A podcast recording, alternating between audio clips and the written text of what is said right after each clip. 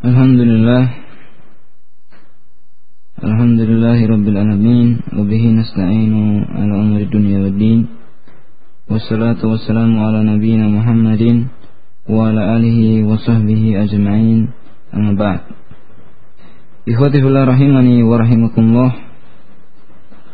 Pada bagi yang berbahagia ini insyaallah ta'ala kita akan melanjutkan Pembahasan kita tentang sebagian dari faedah eh, surat Al-Fatihah yang dijelaskan oleh uh, Fadilatul Syekh Dr. Saleh bin Fauzan Al-Fauzan Hafizahullah Ta'ala dalam sebuah kitabnya Syarh Ba'di Fawaid Surat Surah Al-Fatihah kita masih menjelaskan tentang keistimewaan atau keutamaan dari surat Al-Fatihah. Telah dijelaskan pada pertemuan-pertemuan sebelumnya beberapa keutamaan dari surat Al-Fatihah. Itu di antaranya surat Al-Fatihah ini mengandung ajaran yang terpenting di dalam Islam yaitu At-Tauhid. Kemudian juga telah dijelaskan bahwasannya di dalam surat Al-Fatihah pun terdapat penetapan adanya nubuah, adanya adanya kerasulan bahwasanya Allah Subhanahu wa taala tidak membiarkan manusia terlantar. Akan tetapi Allah Subhanahu wa taala mengutus kepada mereka seorang rasul. Itu sejak kepada setiap umat Allah utus seorang rasul yang mengajak kepada mereka untuk mentauhidkan Allah Subhanahu wa taala yang itu merupakan tujuan diciptakannya jin dan manusia. Kemudian juga telah dijelaskan dalam pertemuan sebelumnya bahwasannya di antara keutamaan surat Al-Fatihah ini yaitu di dalamnya terdapat bantahan ya. bantahan bagi berbagai macam golongan yang menyimpang baik itu golongan yang berada di luar Islam maupun golongan-golongan yang berada di dalam lingkaran Islam dan kita juga telah jelaskan dalam pertemuan sebelumnya bahwasanya membantah orang-orang yang menyimpang itu merupakan bagian dari agama Islam. Membantah orang-orang yang menyimpang itu merupakan bagian dari ajaran Islam yaitu amar ma'ruf wa nahyi 'anil munkar. Itu merupakan ciri umat yang terbaik, umat umat Islam, umat Rasulullah SAW itu adalah yang memerintahkan yang ma'ruf dan melarang dari yang mungkar. Dan sebagaimana pula yang disebutkan oleh Allah Subhanahu wa taala bahwasanya orang-orang yang beriman ikhwas kalian rahimani wa rahimakumullah sesungguhnya keimanan yang ada di dalam diri mereka itu mendorong mereka untuk apa? Untuk mengajak kepada yang ma'ruf dan melarang dari yang mungkar di antara sesama mereka. Wal mu'minuna wal mu'minat ba'duhum awliya'u ba'din ya'muruna bil ma'ruf wa yanhauna 'anil munkar. Orang-orang yang beriman, lelaki dan perempuan, mereka itu adalah wali, adalah penolong bagi saudara mereka yang lainnya. Apa wujud persaudaraan mereka? Ya'muruna bil ma'ruf wa yanhauna 'anil munkar. Mereka memerintahkan yang ma'ruf dan melarang dari yang munkar. Kemudian kita akan lanjutkan pada pertemuan pagi hari ini. Uh, dijelaskan di sini oleh Syekh Saleh Al Fauzan hafizahullah taala di antara keutamaan surat Al-Fatihah ini di dalamnya terdapat isbatul ba'as yaitu penetapan adanya hari kebangkitan. Ya. adanya apa? Hari kebangkitan. Itu di dalam ayat Maliki Yaumiddin. Itu Allah Subhanahu wa taala yang merajai pada hari pembalasan. Dan yang dimaksud dengan Yaumuddin atau hari pembalasan kata beliau adalah Yaumul Hisab itu hari diperhitungkannya amal-amal umat manusia. Di dina huna ma'nahu al-hisab. Kata beliau, karena sebenarnya ad-din itu dalam bahasa Arab di sini maknanya adalah hisab, itu perhitungan. Meskipun ada juga ulama yang lain yang mengatakan bahwasanya ad-din di sini maknanya adalah al-jaza'u bil adli, yaitu memberikan balasan dengan penuh keadilan. Jadi Allah Subhanahu wa taala membalas amal-amal umat manusia pada hari kiamat kelak setelah memperhitungkan amal-amal mereka dengan penuh keadilan. Wa yaumuddin huwa yaumul qiyamah. Dan hari pembalasan itu adalah hari kiamat. Kenapa disebut sebagai hari pembalasan? Karena Allah Subhanahu wa taala menghisap memperhitungkan amal-amal hambanya dan membalas amal-amal mereka. Maka ikhwatifullah rahimani wa rahimakumullah Sebagaimana pula dijelaskan oleh Syekh Dr. Robi bin Hadi Al-Madkhali Hafizahullah Ta'ala dalam kitabnya Manhajul Anbiya Fi Da'wati Ilallah bahwasanya di antara muatan dakwah para nabi dan rasul yang mereka serukan kepada umatnya selain yang terpenting yaitu adalah tauhidullah mentauhidkan Allah Subhanahu wa taala yang itu merupakan inti sari dakwah para rasul maka semua para rasul pun menyerukan kepada umatnya tentang apa? Tentang isbatul ba'ts itu tentang adanya hari kebangkitan. Maka ikhwatifillah rahimani wa rahimakumullah di dalam surat Al-Fatihah ini terdapat apa? Penetapan tentang adanya hari kebangkitan bahwasanya umat manusia kelak setelah kematian mereka mereka akan dibangkitkan Allah Subhanahu wa taala. Dan hari kebangkitan ini khas kalian adalah benar adanya. Tidak bisa didustakan keberadaannya Ana berdasarkan dengan dalil dari Al-Quran maupun As-Sunnah, ijma bahkan berdasarkan juga dari akal bagaimana terangkan oleh para ulama nanti akan ada pembahasannya khusus insyaallah taala.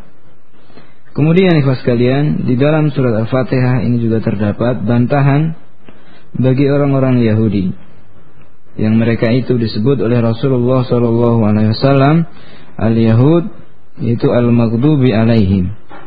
Al-maghdubu alaihim orang-orang yang dimurkai oleh Allah Subhanahu wa taala adalah orang-orang Yahudi.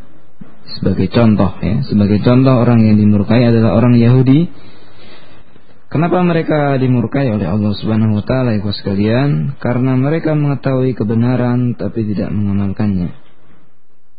Oleh karena itu dikatakan oleh Syekh Al-Fauzan yang dimaksud dengan al-maghdub alaihim adalah al-yahud, orang-orang Yahudi dan juga setiap orang, siapa saja baik laki-laki maupun perempuan, wa man sara ala nahjihim. Yang mengikuti manhaj orang-orang Yahudi. Min kulli alimin la ya'malu bi ilmihi. Itu setiap orang yang berilmu tapi tidak mengamalkan ilmunya. Nasallahu salamah Ikhwati rahimani wa rahimakumullah. Jadi di dalam surat Al-Fatihah ini juga terdapat bantahan bagi orang-orang Yahudi.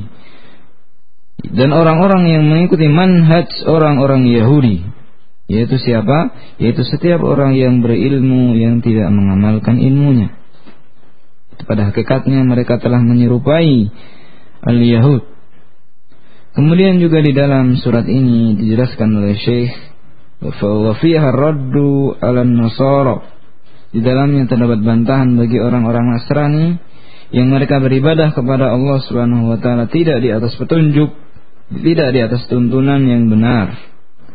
Dan juga di dalam surat Al-Fatihah ini pas kalian terdapat bantahan bagi setiap orang-orang yang melakukan kebid'ahan yang beribadah kepada Allah tanpa dalil seperti orang-orang Nasrani dan orang-orang yang mengikuti manhaj mereka karena hakikat orang yang dol, orang yang sesat, ya'budullaha ala ghairi huda.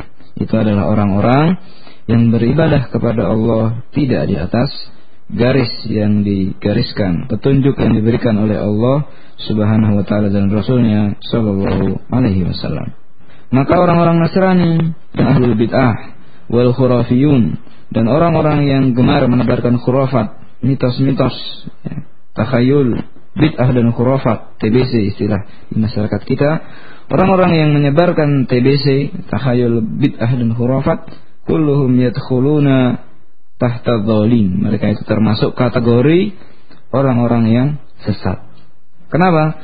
Karena mereka beribadah kepada Allah dengan bid'ah.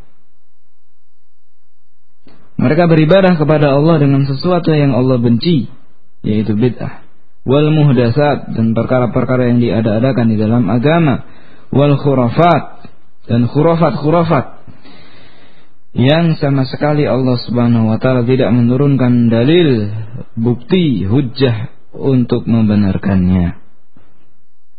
Demikian juga ikhwas sekalian rahimani wa rahimakumullah di dalam surat Al-Fatihah itu terdapat bantahan bagi para ulama yang menebarkan kesesatan Orang-orang yang berilmu ikhwas sekalian, mereka bukan orang yang tidak tahu apa-apa. Orang-orang yang berilmu akan tapi mereka menyalahgunakan ilmunya untuk menyesatkan umat manusia.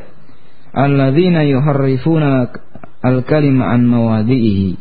Yang mereka itu menyelewengkan kalimat-kalimat ayat-ayat Allah Subhanahu wa taala dari tempat-tempatnya. Mereka menyimpangkan penafsiran ayat-ayat dan hadis-hadis Nabi sallallahu alaihi wasallam wa ya'maluna bi ahwaihim. Dan mereka apa? memperturutkan kemauan hawa nafsu mereka. Yaitu segala sesuatu yang bertentangan dengan syariat itulah hawa nafsu. Sebagaimana yang Allah Subhanahu wa taala sebutkan dalam ayatnya wala tattabi ahwa alladziina la ya'lamun. Dan janganlah engkau mengikuti wahai Muhammad hawa nafsu orang-orang yang tidak berilmu. Wa an-nususa wa yu'awwilunaha dan pekerjaan mereka ulama-ulama yang menebarkan kesesatan, gembong-gembong penyesat umat. Pekerjaan mereka adalah apa? Mentahrif, yaitu menyimpangkan dalil-dalil. Jadi mereka bawakan dalil, kuas sekalian. Orang-orang yang sesat, para ulamanya mereka membawakan dalil dari Al-Quran maupun Sunnah. Akan tapi apa yang mereka lakukan? Yuharrifuna nusus. Mereka itu melakukan apa? Tahrif, yaitu menyelewengkan penafsiran dari nas-nas yang ada, dari dalil-dalil yang ada. Wa yu'awwilunaha dan mereka mentakwilkannya. Menyimpangkan maknanya dari makna yang semestinya ala ghairi muradillahi subhanahu wa ta'ala. Tidak sebagaimana yang Allah inginkan. Maka ikhwas sekalian rahimani wa rahimakumullah Seorang muslim tentunya dia harus pasrah. Apa yang Allah inginkan kepada dirinya itu yang hendaknya dia inginkan untuk dirinya. Apa yang Allah inginkan bagi dirinya, entah dia suka atau tidak suka, itulah yang harusnya dia inginkan bagi dirinya. Apalagi berbicara tentang Allah, tentang sifat-sifatnya, tentang agamanya, maka tidak selayaknya seorang muslim menghakimi Allah Subhanahu wa taala mengatakan ini benar dan ini salah dengan hawa nafsunya. Tidak sebagaimana yang diinginkan oleh Allah Subhanahu wa taala. Tidakkah kita ingat perkataan emas Imam Syafi'i rahimahullahu taala? Beliau mengatakan amantu billah wa bima jaa ala muradillah. Aku beriman kepada Allah dan beriman kepada apa saja yang datang dari Allah Subhanahu wa taala perintah larangan ataupun berita yang Allah sampaikan dalam Al-Quran. Ala muradillah. Kita mengimaninya sebagaimana yang diinginkan oleh Allah Subhanahu wa taala bukan sebagaimana apa yang kita inginkan hawa nafsu kita sendiri akal kita perasaan kita. Tidak demikian.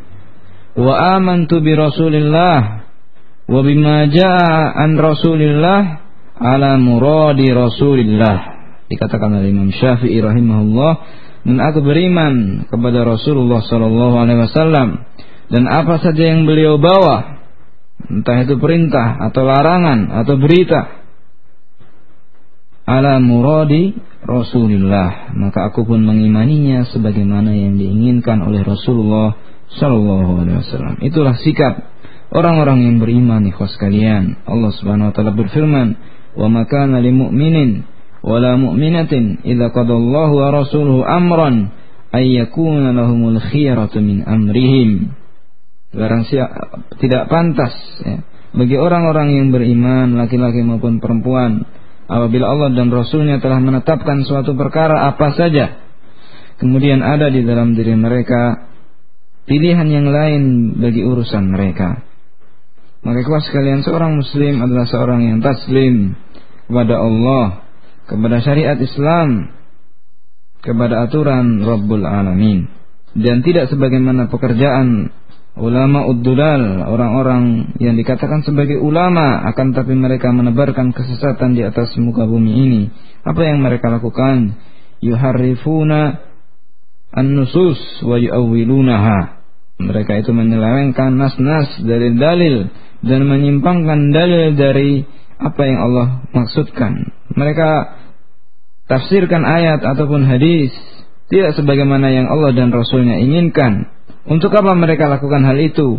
Litatawafaqu ala ahwaihim. Supaya apa? Supaya dalil-dalil tersebut sesuai dengan hawa nafsu mereka. Agar apa ya sekalian? Agar dalil-dalil tersebut itu mengikuti kemauan mereka. Maka demikian pula ikhwas sekalian kalau kita dapati dalam diri kita kita tidak senang terhadap sesuatu padahal itu disyariatkan oleh Allah Subhanahu wa taala. Telah Allah tetapkan dalam Al-Qur'an atau hadis, maka sama sekali di dalam diri kita tidak boleh merasa apa berat atau sempit ketika menerimanya. Meskipun tidak sesuai dengan keinginan kita, akan tapi itulah syariat Islam. Itulah ketetapan Rabbul Alamin. Meskipun yang salah itu adalah kita. Maka hendaknya seorang mukmin mengakui kekurangannya, kelemahannya di hadapan Allah Subhanahu wa taala. Tidak sebagaimana orang-orang yang sesat, yang mereka hanya maunya menang sendiri, maunya enak saja. Maka yang mereka lakukan adalah ketika ayat-ayat itu tidak sesuai dengan hawa nafsu mereka, mereka pun menafsirkannya semau mereka. Mereka simpangkan ayat itu ke sana kemari sehingga mereka bukan mencari kebenaran, akan tapi mereka mencari pembenaran. Mereka membawakan dalil ayat maupun hadis bukan untuk mencari kebenaran akan, akan tapi untuk membenarkan, membela kesalahan yang mereka apa? lakukan. Bukan demikian sifat orang yang beriman. Dikatakan di sini oleh Syekh Al Fauzan Hafizahullah taala dan orang yang terdepan. Di antara ulama Abdulal orang-orang yang alim yang menyesatkan umat itu mereka itu adalah al-Yahud. Adalah orang-orang Yahudi. Yang disifatkan oleh Allah Subhanahu wa taala yuharrifuna al-kalima an mawadhihi yang mereka menyelewengkan firman-firman Allah Subhanahu wa taala tidak pada tempatnya wa kullu man sara ala nahjihim. Dan semua orang siapa saja dari mana saja dari bangsa apa saja apabila mereka meniti jalan orang-orang Yahudi yaitu apa yang mereka lakukan? Mereka menyimpangkan maksud dari makna firman Allah Subhanahu wa taala. Ada sabda-sabda nabi mereka. Maka hal itu berarti mereka telah menyerupai orang-orang Yahudi Meskipun mereka setiap hari mengatakan boykot-boykot Yahudi, akan tapi ucapan dan perbuatan mereka sebagaimana al-Yahud yang mereka itu yuharrifunal kalima'an mawadhihi. Demikian juga kata beliau orang yang terdepan di antara ahlul bid'ah yaitu orang-orang yang gemar membuat ajaran-ajaran yang baru di dalam agama yang sama sekali tidak dituntunkan oleh Allah Subhanahu wa taala adalah An-Nasara adalah orang-orang siapa? Nasrani. Oleh karena itu dikatakan oleh para ulama salaf, para ulama kita terdahulu yang soleh, yang mereka menjadi panutan kita. Apa yang mereka katakan sebagaimana disebutkan uh, diriwayatkan dari sebagian salaf, di antaranya dari Sufyan bin Uyainah Beliau mengatakan man fasada min ulama'ina fa fihi shibhum minal yahud. Orang yang rusak di antara ulama kita. Maksudnya ulama di sini adalah orang-orang yang berilmu. Bukan ulama dalam pengertian yang sesungguhnya. Orang-orang yang rusak di antara orang yang orang-orang yang memiliki banyak ilmu, yang wawasannya luas, yang ilmunya banyak, yang mungkin titelnya panjang, orang-orang yang rusak di, di antara mereka atau bahkan ditokohkan dianggap sebagai kiai, sebagai ustadz, sebagai dai. Orang-orang yang rusak di antara ulama kita, fafihi shibhum minal yahud. maka di dalam dirinya terdapat keserupaan dengan al-Yahud, dengan orang-orang Yahudi. Kenapa? Karena mereka mengetahui kebenaran tapi tidak melaksanakannya, ikut sekalian. Maka hendaknya kita mengoreksi diri kita masing-masing. Dan kita bertobat dari Allah Subhanahu wa taala apabila ternyata di dalam diri kita fihi shibhum minal yahud di dalam diri kita terdapat keserupaan dengan orang-orang Yahudi. Bagaimana mungkin kita bisa menang melawan Yahudi sementara cara hidup kita, cara berpikir kita seperti orang-orang Yahudi. Wa man fasada min ubadina fa fihi shibhum minan nasara. Dan barang siapa yang rusak di antara ahli ibadah di antara kita, di antara kaum muslimin, banyak di antara mereka yang rajin beribadah, rajin berzikir kepada Allah, akan tapi tidak dengan zikir yang diajarkan oleh Rasulullah SAW berziarah kubur. Sesuatu yang disyariatkan akan lebih ziarah kubur yang tidak diajarkan oleh Rasulullah sallallahu alaihi wasallam. Datang ke kuburan-kuburan wali, berdoa kepada mereka atau menjadikan mereka sebagai syafaat, sebagai perantara, sebagai wasilah untuk mendekatkan diri kepada Allah, berdoa kepada Allah dengan menjadikan wali-wali yang sudah mati agar mengantarkan doa-doa mereka kepada Allah Subhanahu wa taala. Yang hal itu tentu saja tidak ada asarnya, tidak ada hadisnya dari Nabi sallallahu alaihi wasallam. Maka man fasada min ubadina fa fihi shibhum minan nasara. Orang-orang yang rusak di antara ahli ibadah kita yang menampakkan diri sebagai orang-orang yang zuhud, yang rajin beribadah, yang rajin sholat malam, rajin berzikir, akan tetapi tidak dengan cara yang diajarkan oleh Rasulullah Sallallahu Alaihi Wasallam atau mereka memiliki semangat beribadah yang tinggi akan tapi manhaj mereka cara pikir mereka tidak sebagaimana cara pikir para sahabat radhiyallahu taala sebagaimana yang pernah kita kisahkan itu tentang orang-orang khawarij. Yang apa? Yang mereka memahami Al-Quran tidak sebagaimana yang dipahami oleh para sahabat radhiyallahu taala Maka pada diri mereka fafihi shibhum minan nasara. Di dalam diri mereka terdapat keserupaan dengan orang-orang Nasrani karena mereka beribadah kepada Allah. Mereka ingin mengabdi kepada Allah, tunduk kepada Allah akan tapi dengan cara yang tidak disyariatkan oleh Allah Subhanahu wa taala. Maka hakikatnya kau sekalian Dikatakan di sini oleh Syekh Shalal Al-Fauzan hafizahullah taala, sesungguhnya surat ini yaitu surat Al-Fatihah adalah surat yang sangat agung. Surat yang sangat agung yang secara ringkas kita bisa mengetahui bahwasannya inti-inti ajaran Islam itu telah disampaikan ya. Meskipun dalam bentuk yang sangat ringkas ya. Dan mungkin bagi banyak sekali di antara kita, kita tidak bisa apa, atau kita belum bisa mendalami, menyelami makna-makna yang terkandung dalam surat ini. Kenapa? Karena begitu sedikitnya ilmu yang kita miliki. Padahal, sebagaimana sudah kita terangkan dari apa yang dijelaskan di sini oleh Syekh Salih Al-Fauzan Hafizahullah Ta'ala, menunjukkan bahwasanya surat ini itu memiliki banyak sekali keistimewaan. Banyak sekali keistimewaan yang di dalamnya terdapat usulul Islam, terdapat pokok-pokok ajaran Islam. Bagaimana seorang hamba sebagaimana dikatakan oleh Ibnu Qayyim rahimahullah itu bisa mengenal penciptanya yaitu Allah Subhanahu wa taala. Yang dengan mengenal Allah Subhanahu wa taala, mengenal nama-namanya, mengenal sifat-sifatnya, maka seorang hamba itu akan bisa menyempurnakan kekuatan ilmiahnya. Yang dengan itu dia akan bisa menyempurnakan kebahagiaan. Karena ikhwas sekalian rahimani wa rahimakumullah sebagaimana dijelaskan dari Ibnu Qayyim rahimahullah bahwasanya setiap orang itu memiliki dua buah kekuatan, itu kekuatan ilmiah dan kekuatan apa?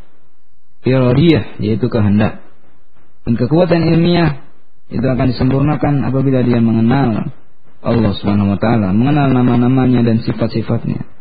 Dan dengan menyempurnakan kekuatan ilmiah itulah dia akan bisa mendapatkan kebahagiaan ikhlas kalian. Maka ketika Allah Subhanahu wa taala memulai surat Al-Fatihah ini dengan alhamdulillah Segala puji bagi Allah. Allah ingin mengenalkan dirinya kepada kita. Bahwasanya Allah itu maha terpuji dengan segala perbuatannya. Entah kita suka atau kita tidak suka, Allah itu terpuji. Allah itu maha bijaksana, Allah itu maha adil. Dan perbuatan Allah Subhanahu wa taala itu bainal fadli wal adl. Di antara memberikan keutamaan atau menegakkan keadilan. Allah sama sekali tidak pernah mendolimi seorang pun di antara hambanya. Iblis sekalipun Allah Subhanahu wa taala tidak berbuat zalim kepadanya. Maka ikhwas sekalian rahimani wa rahimakumullah. Berikutnya akan kita jelaskan uh, sebagian di antara faedah-faedah dari uh, surah Al-Fatihah ini sebagaimana dijelaskan oleh Syekh Al-Fauzan yang beliau menjelaskan uh, perkataan dari Syekh Muhammad bin Abdul Wahab penulis asli dari risalah ini. Uh, diterangkan di sini oleh Syekh Muhammad bin Abdul Wahab rahimahullah taala kita mulai pembahasan tentang ayatnya satu persatu. Setelah beliau membawakan tiga buah ayat yang pertama yaitu Alhamdulillahirabbil alamin, kemudian Ar-Rahmanir-Rahim, Maliki Yaumiddin, maka dikatakan oleh Syekh Muhammad bin Abdul Wahab rahimahullah taala, hadhihi al-ayatu salasu tadammanat salasa masail. Tiga ayat ini mengandung tiga pelajaran. Alhamdulillahirabbil alamin satu pelajaran. Ar-Rahmanir Rahim satu pelajaran. Maliki Yaumiddin satu pelajaran. Jadi tiga dalam tiga ayat ini secara umum dikatakan di sini oleh Syekh Muhammad bin Abdul Wahab terkandung tiga pelajaran. Al ayatul ula ayat yang pertama yaitu Alhamdulillahirabbil alamin. Apa yang terdapat di dalam ayat tersebut? Dikatakan di sini oleh Syekh Muhammad bin Abdul Wahab rahimahullah taala fihal mahabbatu. Di dalam ayat ini terdapat ajaran kecintaan. Terdapat apa ya sekalian? Terdapat ajaran kecintaan. Siapa yang kita cintai? Yang paling kita cintai apakah teman kita? Ataukah saudara kita? Ataukah orang tua kita? Yang paling kita cintai ikhwas sekalian tidak lain dan tidak bukan adalah Allah Subhanahu wa taala adalah Allah Subhanahu wa taala. Jadi di dalam ayat yang pertama Allah Subhanahu wa taala ingin menanamkan ke dalam jiwa setiap muslim yang membaca surat ini dalam setiap rakaat di dalam salatnya di setiap harinya agar mereka mencintai Rabb mereka, mencintai Allah Subhanahu wa taala. Karena sebenarnya Allah Subhanahu wa taala dialah yang memberikan kenikmatan Segala banyak macam bentuk kenikmatan adalah dari Allah Subhanahu wa taala. Bukankah Allah Subhanahu wa taala berfirman, "Wa ma bikum min nikmatin faminallah." Dan nikmat apa saja yang ada pada diri kalian wahai umat manusia. Sadarlah wahai umat manusia, nikmat yang ada pada diri kalian faminallah. Maka itu semua asalnya adalah dari Allah Subhanahu wa taala. Wal mun'im kata Syekh Muhammad bin Abdul Wahab dan sosok yang memberikan kenikmatan itu yuhabbu ala qadri in'amihi. Perhatikan perkataan beliau. Beliau mengatakan wal mun'im dan sosok yang memberikan jasa, memberikan kenikmatan, keutamaan kepada orang lain, maka dia itu yuhabbu ala qadri in'amihi. Dia itu berhak untuk dicintai sesuai dengan kenikmatan atau jasa yang dia berikan. Maka setiap orang yang berjasa kepada kita, setiap orang yang memberikan karunia kenikmatan kepada kita, maka dia itu berhak menerima kecintaan kita. Orang tua kita itu sekalian yang mencurahkan kasih sayangnya, harta, umurnya untuk menyayangi anak-anaknya, mendidik mereka, membesarkan mereka, maka mereka adalah manusia yang sangat-sangat layak untuk kita cintai di antara seluruh umat manusia di atas muka bumi ini. Demikian juga Rasul Shallallahu Alaihi Wasallam jauh lebih kita cintai daripada orang tua kita, karena orang tua kita, ibu kita melahirkan kita dari yang tidak ada menjadi ada. Adapun Rasul Shallallahu Alaihi Wasallam disebutkan oleh para ulama, beliau adalah apa? Bapak rohani bagi setiap manusia. Setiap manusia dia tenggelam dalam kegelapan, kebodohan, kemusyrikan, kekafiran. selama di dalam dirinya belum terbit matahari risalah dia belum mengenal ajaran Rasulullah sallallahu alaihi wasallam oleh karena itu ikhwas sekalian Allah Subhanahu wa taala menyebut orang yang hidupnya di atas kekafiran sebagai orang yang mati Allah Subhanahu wa taala berfirman aw man kana maitan fa ahyainahu wa ja'alna lahu nuran yamshi bihi fin nas. Kama masaluhu fi dhulumati laisa bi kharijin minha. Apakah sama ikhwas kalian antara orang yang mati hatinya yaitu dengan kekafiran? Sebagaimana dalam sebuah riwayat dari Ibnu Abbas radhiyallahu taala anhuma bahwasanya ayat ini bercerita tentang orang yang kafir kemudian mendapatkan hidayah memeluk Islam. Orang yang tadinya tenggelam dalam kebodohan kemudian mendapatkan cahaya ilmu. Awamangkana maitan apakah sama orang yang mati hatinya, orang yang mati. Fa'ahyainahu kemudian Allah hidupkan dirinya, jiwanya dengan iman, dengan tauhid. Kama masaluhu fi dhulumat. Sebagaimana orang yang tetap tenggelam di dalam kegelapan-kegelapan laisa bi kharijin minha dan dia tidak bisa keluar darinya maka tentunya tidak sama ikhwas sekalian orang yang mati dengan orang yang hidup. Oleh karena itu Rasulullah SAW menyebutkan, "Masalul ladzi yadhkuru rabbahu wal ladzi la yadhkuru rabbahu masalul hayyi wal mayyit." Sebagaimana dalam hadis riwayat Bukhari.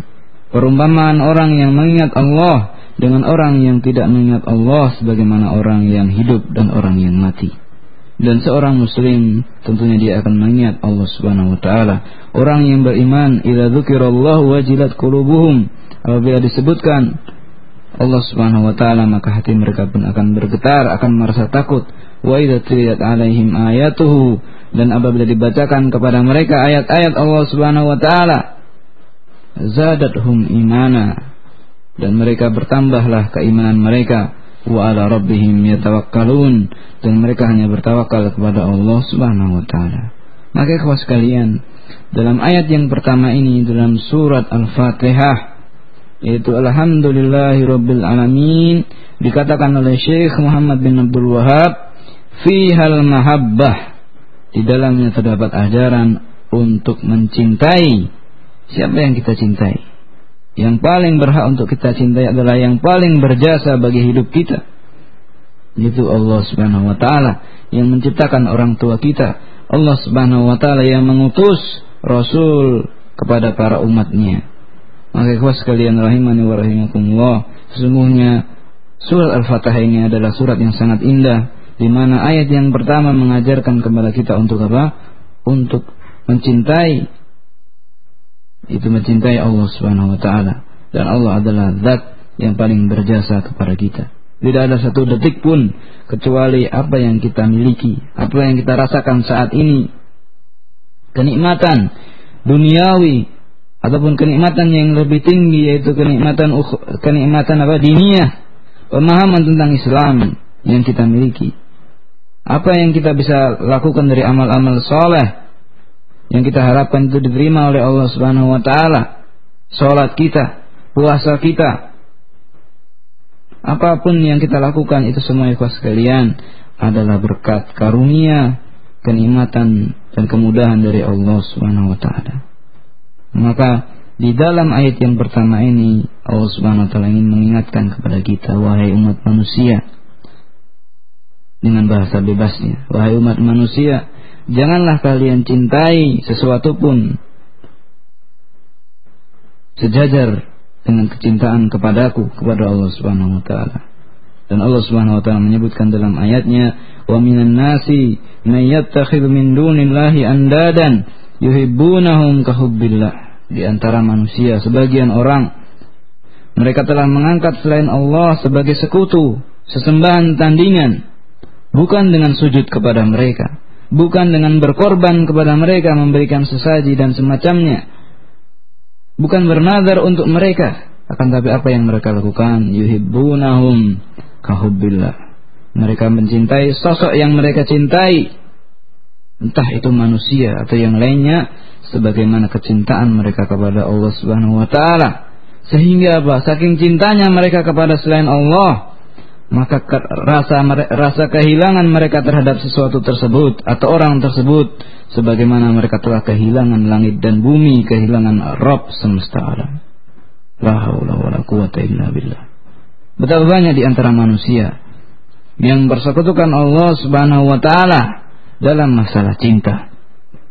Sebagaimana dikatakan oleh Ibnu Qayyim rahimahullah bahwasanya sumber kesyirikan yang ada di atas muka bumi ini adalah syirik dalam masalah al-mahabbah, dalam masalah cinta.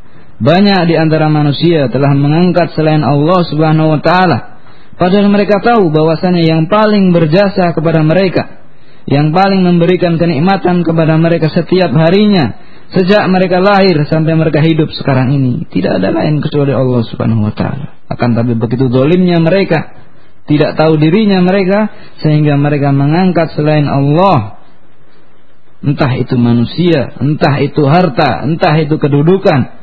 Sejajar dengan Allah Subhanahu wa taala yuhibbunahum kahubbillah walladzina amanu. Adapun orang-orang yang beriman ikhlas sekalian orang-orang yang beriman disebutkan cirinya oleh Allah Subhanahu wa taala asyaddu hubbalillah. Maka kecintaan mereka itu lebih dalam kepada Allah Subhanahu wa taala. Bahkan kecintaan mereka murni cinta ibadah hanya untuk Allah Subhanahu wa taala oleh karena itu dikatakan oleh Rasulullah sallallahu alaihi wasallam dalam sebuah hadis yang sahih Thalathun man kunna fihi wajada bihinna halawatal iman. Ada tiga buah perkara. Barang siapa yang memiliki ketiganya, maka dia akan mendapatkan manisnya iman. Ikhlas sekalian, kita mempelajari agama untuk mendapatkan manisnya iman. Apa di antaranya sebabnya? Tiga di antaranya dikatakan oleh Rasulullah sallallahu alaihi wasallam, "Ayyakunallahu wa rasuluhu ahabba ilaihi mimma siwahuma."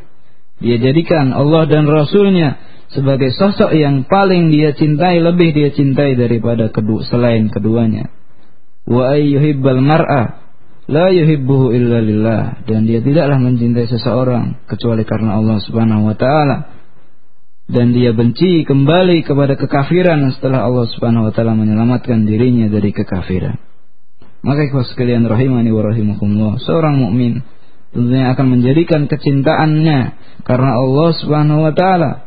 Dan yang paling besar itu adalah dia harus mencintai Allah Subhanahu wa taala. Dan mencintai Allah ikhwas sekalian tidak hanya butuh pengakuan.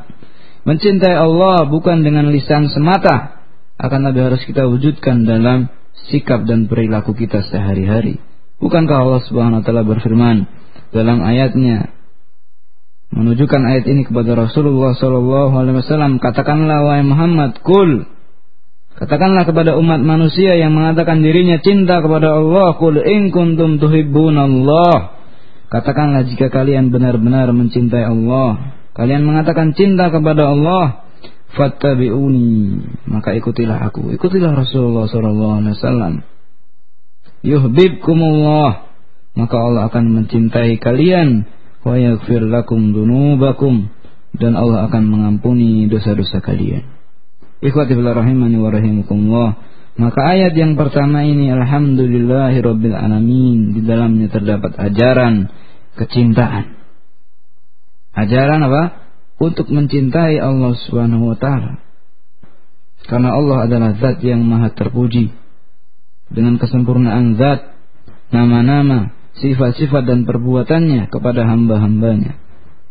Maka setiap yang memberikan kenikmatan itu berhak untuk dipuji sesuai dengan kenikmatan yang dia berikan. Dan hal ini ikhwas kalian kata Syekh Shalal Fauzan maka ini menunjukkan mengharuskan yaitu apa? Seorang itu mencintai sesuatu atau sosok yang berjasa yang memberikan kenikmatan kepada dirinya. Dan beliau katakan di annan nufusa jubilat ala hubbi man ahsana ilaih. Karena jiwa-jiwa manusia, ikhwas sekalian, setiap orang tentunya memiliki tabiat. Bagaimana tabiat dirinya? Yaitu dia senang kepada orang yang melakukan kebaikan kepada dirinya. Dan itu adalah fitrah yang Allah berikan kepada setiap orang. Jubilatil kulub atau jubilatil nufus ala mahabbati man ahsana ilaih. Hati setiap orang itu akan merasa senang kepada siapa pun yang berbuat baik kepada dirinya. Hatta orang-orang kafir sekalipun. Mereka akan senang kepada orang-orang yang berbuat baik kepada dirinya. Dan Allah Subhanahu wa taala sekalian huwal muhsin. Dialah Allah Subhanahu wa taala zat yang paling berbuat baik kepada umat manusia. Wa huwal mun'im. Dan dialah Allah Subhanahu wa taala yang berikan kenikmatan kepada mereka semua. Dan Allah memberikan keutamaan kepada sebagian hamba-hambanya. Maka hati-hati orang yang beriman ikhwas kalian. Tentunya akan menjadikan kecintaan mereka kepada Allah itu di atas segala-galanya. Kecintaan yang tidak tertandingi oleh kecintaan mereka kepada apa pun yang ada di alam dunia ini. Oleh karena itu ikhwas kalian dijelaskan di sini oleh Syekh Salih bin Fauzan Al-Fauzan hafizahullah taala walidzalika kanatil mahabbatu a'dama anwa'il ibadah oleh karena itulah dikatakan bahwasanya cinta itu merupakan jenis ibadah yang paling agung. Jadi dalam ayat yang mulia ini dalam Alhamdulillahirabbil alamin kita diajarkan oleh Allah Subhanahu wa taala untuk beribadah. Bagaimana ibadahnya? Yaitu dengan mencintai Allah Subhanahu wa taala. Maka segala puji bagi Allah Subhanahu wa taala yang meletakkan ayat ini sebagai ayat yang pertama dari surat Al-Fatihah yang di dalamnya terkandung ajaran untuk cinta kepada Allah Subhanahu wa taala. Insyaallah taala akan kita lanjutkan pada pertemuan berikutnya yang di sini Syekh uh, Saleh bin Fauzan Al-Fauzan hafizahullah taala akan menjelaskan empat macam cinta ya yang cinta itu ada beberapa macam yang harus kita bedakan karena kalau kita tidak bisa membedakan antara jenis-jenis cinta ini maka kita akan salah paham. Dan salah paham itu akan melahirkan salah pengamalan. Dalam dengan kata lain itu sesat ya. Orang bisa sesat gara-gara cinta.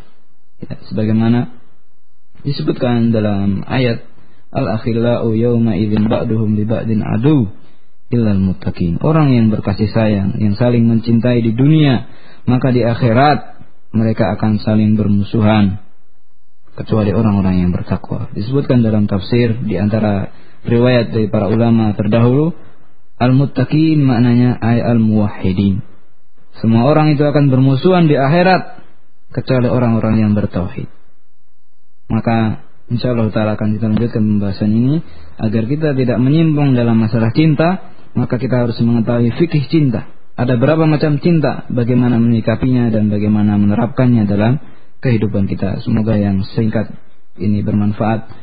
Yang benar dari Allah Subhanahu wa taala yang salah dari saya dan dari syaitan. Wa sallallahu ala nabiyyina Muhammadin wa